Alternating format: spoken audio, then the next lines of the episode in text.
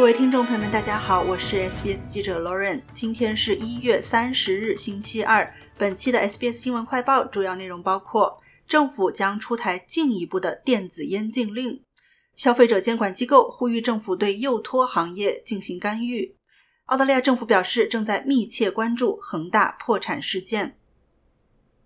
联邦卫生部长马克·巴特勒表示，当局计划出台新的法律。停止销售和供应非处方电子烟，并堵住允许电子烟商店开业的漏洞。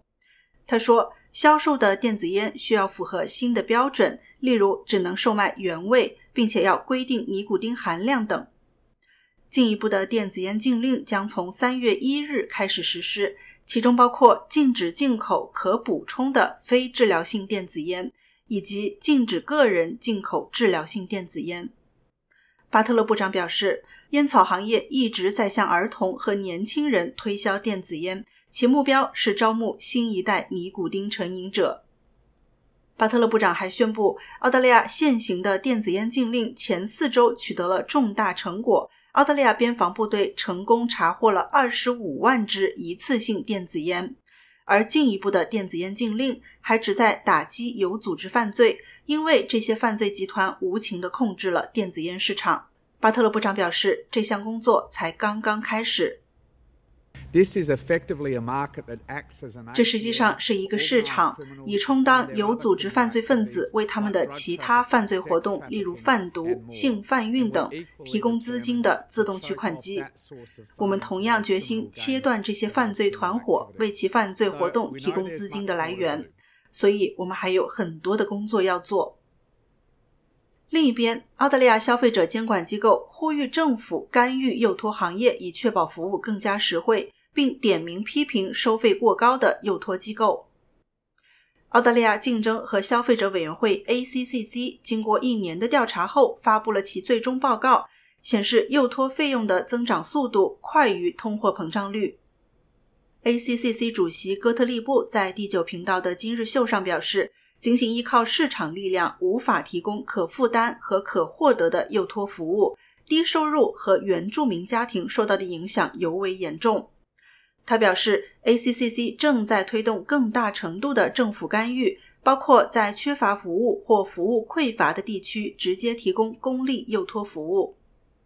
哥特利布还强调，收费超过费率上限的幼托机构名字应该被公开，以便消费者可以选择其他的机构寻求服务。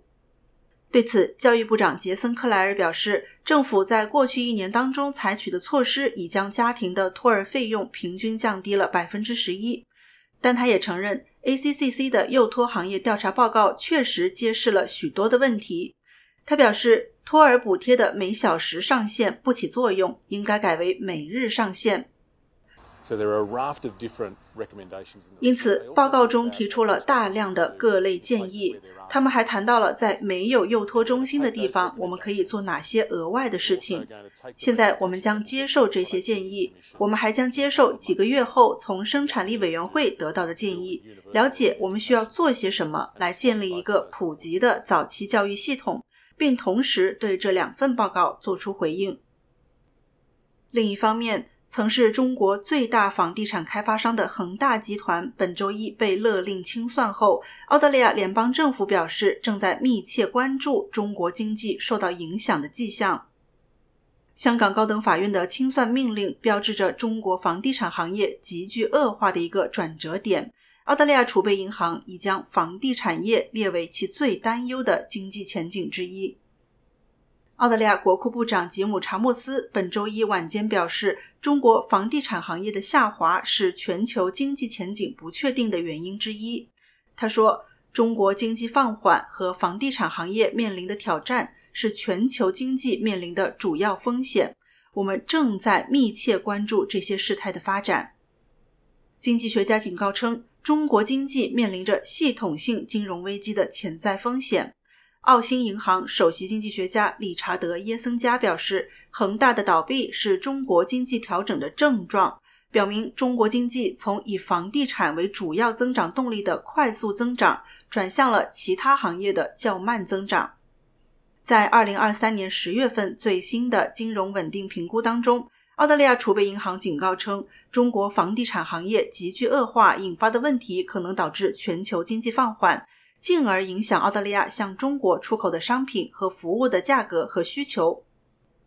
感谢收听本期的 SBS 新闻快报，在任何的播客平台订阅 SBS 新闻快报，开启消息提醒，即可随时了解澳洲国内外新闻及社区资讯。